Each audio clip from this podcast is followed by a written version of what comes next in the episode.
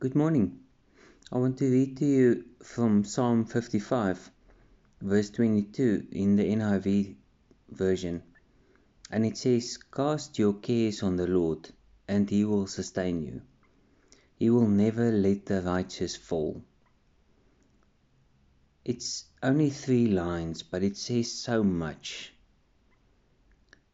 Anything that bothers you, anything, if you, your business, your personal life, any any anything. There's nothing too big or too small that God will not take care of.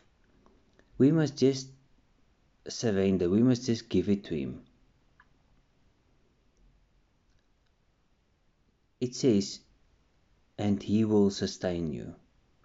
He will keep you going. He will keep you up. He will never let the righteous fall.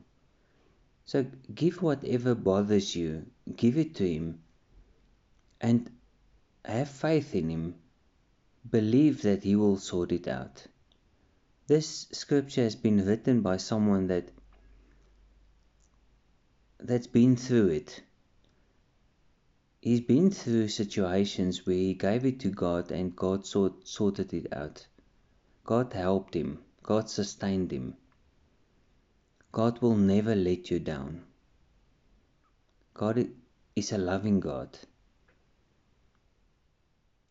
Trust Him with the things in your life that you're unsure of, you, which you don't trust yourself with. But trust God.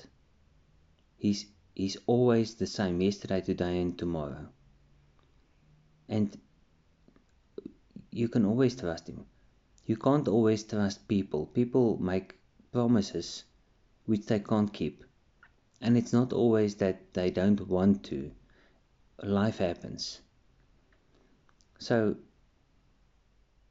you can't always trust people, but you can you can rely on God always. For everything. He will sustain you and he will never let the righteous fall. Let's keep on believing in Him. Let's pray. Father, thank you so much for your amazing love. Thank you, Lord, that we can we can give you all our our cares, all our everything that we worry about, all our worries, all our issues. And thank you, Lord, that you that you sustain us, you you keep us going, you keep us upright.